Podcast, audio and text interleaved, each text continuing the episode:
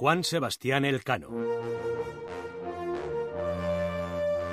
Biografía de un capitán. Capítulo quinto. Hacia el otro mar. El 24 de agosto de 1520, en el nombre de Dios y la feliz salvación, el capitán general ordenó abandonar aquel desgraciado puerto de San Julián, dejando en pie la horca que durante el motín había mandado levantar. Juan de Cartagena y un clérigo que se había destacado en el motín fueron desembarcados en un islote por orden de Magallanes. Les dejamos una alforja de bizcocho, algo de vino y una espada, y nos despedimos con verdadera lástima. Grumetes y marineros sufrían al trepar por las jarcias cubiertas de hielo, mientras el gélido viento golpeaba sin defensa posible. Cuando había niebla, la capitana de tiempo en tiempo hacía un disparo. Llegaron al río Santa Cruz y como verdaderamente abundaba el pescado, durante dos meses se detuvieron a hacer acopio, preparándolo en salazón. Mientras se despedía el invierno, aprovecharon también para hacer aguada y cargar leña. El 21 de octubre, a 52 grados al sur de la equinocial, descubrieron un cabo que llamaron Cabo de las Vírgenes por ser este su día. Al traspasar el cabo, vieron una ensenada con playas de arena gruesa sin arbolado, mientras a lo lejos vislumbraban altas montañas cubiertas por la nieve. La Concepción se dirigió hacia el fondo de la bahía y vieron un canal. Con la marea a favor, maniobraron para adentrarse por aquel estrechamiento. Una vez superado, entraron en otra bahía, y al fondo de esta localizaron un nuevo estrechamiento. Cada vez había más profundidad, al tiempo que la nao sufría fuertes corrientes, pero el agua siempre era salada, por lo que tenía que venir, forzosamente, de otro mar. Comprobaron también que había diferencias entre las crecientes y las menguantes de las mareas. Dando la vuelta en redondo, con los pabellones desplegados y gastando pólvora, llevaron la buena nueva. Las demás naos respondieron con gritos de júbilo y más tiros. Magallanes celebró consejo de oficiales y todos fueron favorables a continuar el descubrimiento. Todos menos el piloto Estevao Gómez, que era partidario de volver. El estrecho está descubierto, pero solo tenemos alimentos para tres meses. Es más prudente enfilar la proa hacia Castilla y volver con otra armada con fuerzas renovadas. Magallanes zanjó la discusión. Aun cuando hayamos de comer los cueros de las vacas que forran las antenas, he de pasar adelante y descubrir las islas de las especias. Es lo que tengo prometido al emperador. Dio por terminado el consejo y la flota se puso en marcha. Superaron los dos canales. Al salir de ellos, el agua encauzada tendía a separarse creando fuertes corrientes hacia los lados, lo que hacía muy peligrosa la navegación. Continuaron por entre sierras cubiertas de nieve de las que caían enormes cascadas, al tiempo que en las cercanías de la orilla abundaban los arroyos junto a inmensos bosques de abedules. Entonces surgió ante ellos, a su izquierda, un brazo de mar, y Magallanes envió a la San Antonio, cuyo piloto era Estefao Gómez, a descubrirlo con la obligación de volver en tres días. La Trinidad, la Concepción y la Victoria, mientras tanto, esperarían haciendo buena pesca.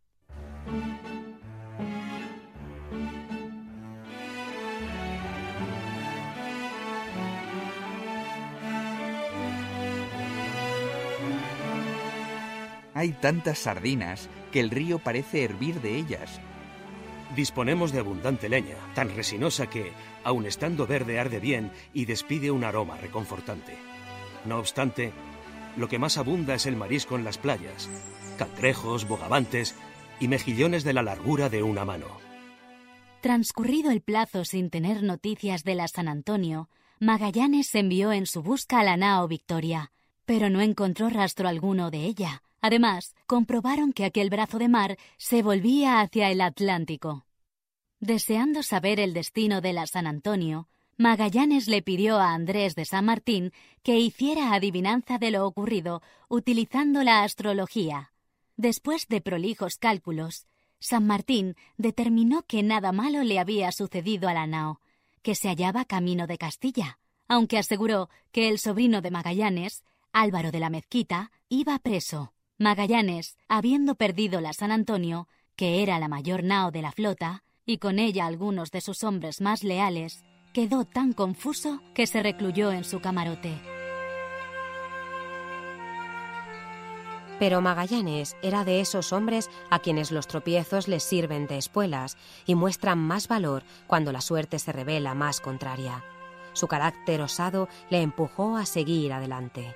Juro por el hábito de Santiago que es para el bien de todos que me sigáis, porque espero de la piedad de Dios llevar a término lo que todos deseamos.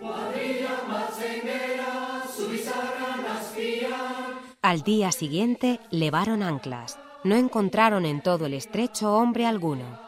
Sin embargo, por las noches, en la tierra a su izquierda, vieron multitud de fuegos y creyeron que estaban siendo vigilados.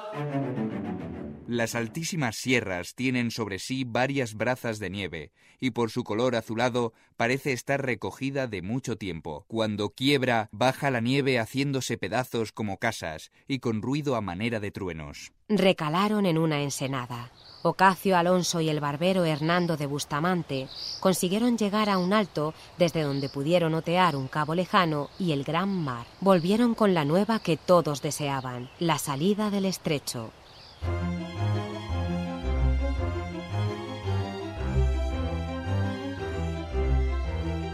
Recogidos los bateles, las tres naos se hicieron a la mar con música de panderetas y tambores. Era el 28 de noviembre de 1520 cuando Hernando de Magallanes ordenó que disparásemos salvas dando gracias a Dios por habernos traído con vida a este descubrimiento.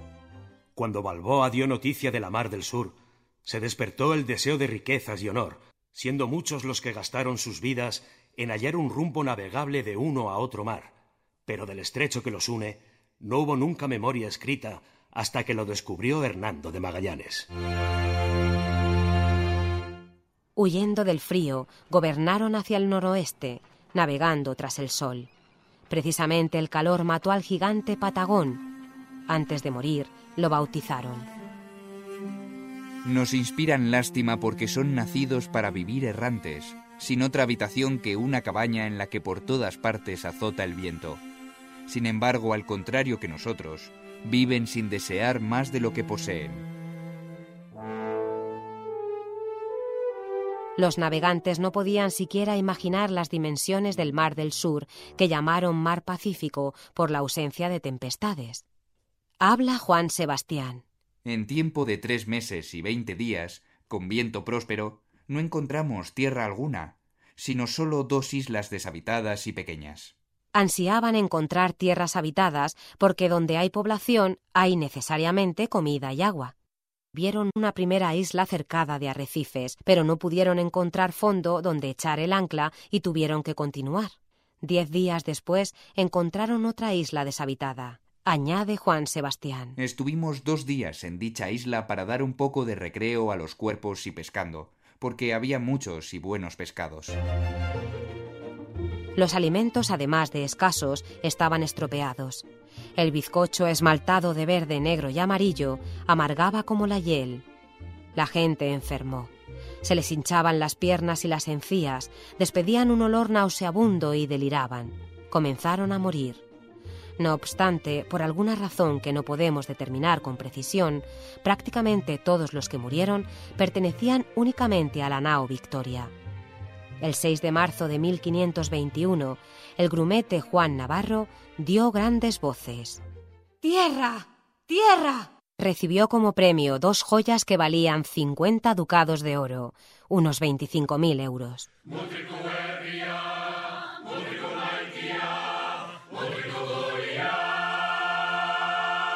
Pronto se vieron rodeados por un sinfín de pequeños navíos. Las embarcaciones son tan pequeñas que apenas cabe dentro el que las gobierna. La vela está tejida de palmas, con vivos colores, y les da tal velocidad que parecen pájaros en la mar. Son altos, de buenas proporciones, tienen la boca grande, dientes aguzados, su piel es tostada y son más fuertes que nosotros, pues de un golpe con el puño parten un coco. Casi todos van acompañados de su onda con una badana del tamaño de la mano, con la que lanzan unas piedras bien trabajadas que parecen huevos de vidrio. Lanzan desde tal distancia con ellas que no se les puede responder con los arcabuces. Sin ningún recelo, los indígenas subieron a las naos en tal número que comenzaron a preocuparse. Máxime viendo que se lanzaban al agua con cualquier cosa que cogieran. Francisco Albo, contramaestre de la capitana, le dio un bofetón a uno de aquellos y el indígena se lo devolvió. Entonces Albo le clavó el cuchillo en la espalda. Huyeron los isleños y desde sus veleros les lanzaron piedras y cañas con punta de hueso, respondiendo los castellanos disparando con las ballestas. Magallanes mandó parar y una vez apaciguados los ánimos, comenzó el trueque. Trajeron toda suerte de alimentos frescos y todo lo daban por un clavo de hierro, que era lo que tenía más valor para ellos. En un descuido, se llevaron el esquife de Magallanes y este mandó ir a tierra a recuperarlo.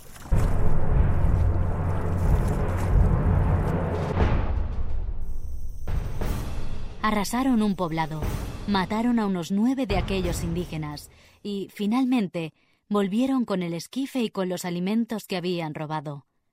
Dos días después, partieron hacia el poniente dejando anotadas aquellas islas como islas de ladrones. Encontraron una isla llamada Masagua, pero de alguna manera su llegada no era una sorpresa. Una sacerdotisa lo había profetizado. Vienen unos hombres de mucho poder, blancos y rubios, de grandes fuerzas y valor. Lo hacen acompañados de otros que traen faldas negras, llevan rapada la cabeza y son más que hombres. Son ministros del gran Dios que habita en lo más alto de las nubes. En Masagua desembarcó el escribano León de Ezpeleta con el traductor Enrique, que era de Malaca. Habla el marinero Ginés de Mafra. Los naturales salieron a recibirnos con buen semblante. Cuando Magallanes les vio y vio que en tan pequeña tierra había oro, porque la gente lo traía en su cuerpo, nos dijo que ya estaba en la tierra que había deseado. Otro día, que era viernes de la cruz, el señor de aquella isla vino a la nao y le habló muy bien a Magallanes, y también a todos nosotros, e hizo paces con el capitán general, según la costumbre de la tierra, que es sangrándose del pecho. Con esta paz tan deseada, aquel señor de aquella isla nos dio arroz y puercos, según lo que tenía. Cuando Magallanes vio con sus propios ojos que su esclavo malayo se entendía con aquellos indígenas, comprendió que había alcanzado su sueño, llegar a Oriente por Occidente. Era el premio tras largos años afrontando riesgos y sacrificios.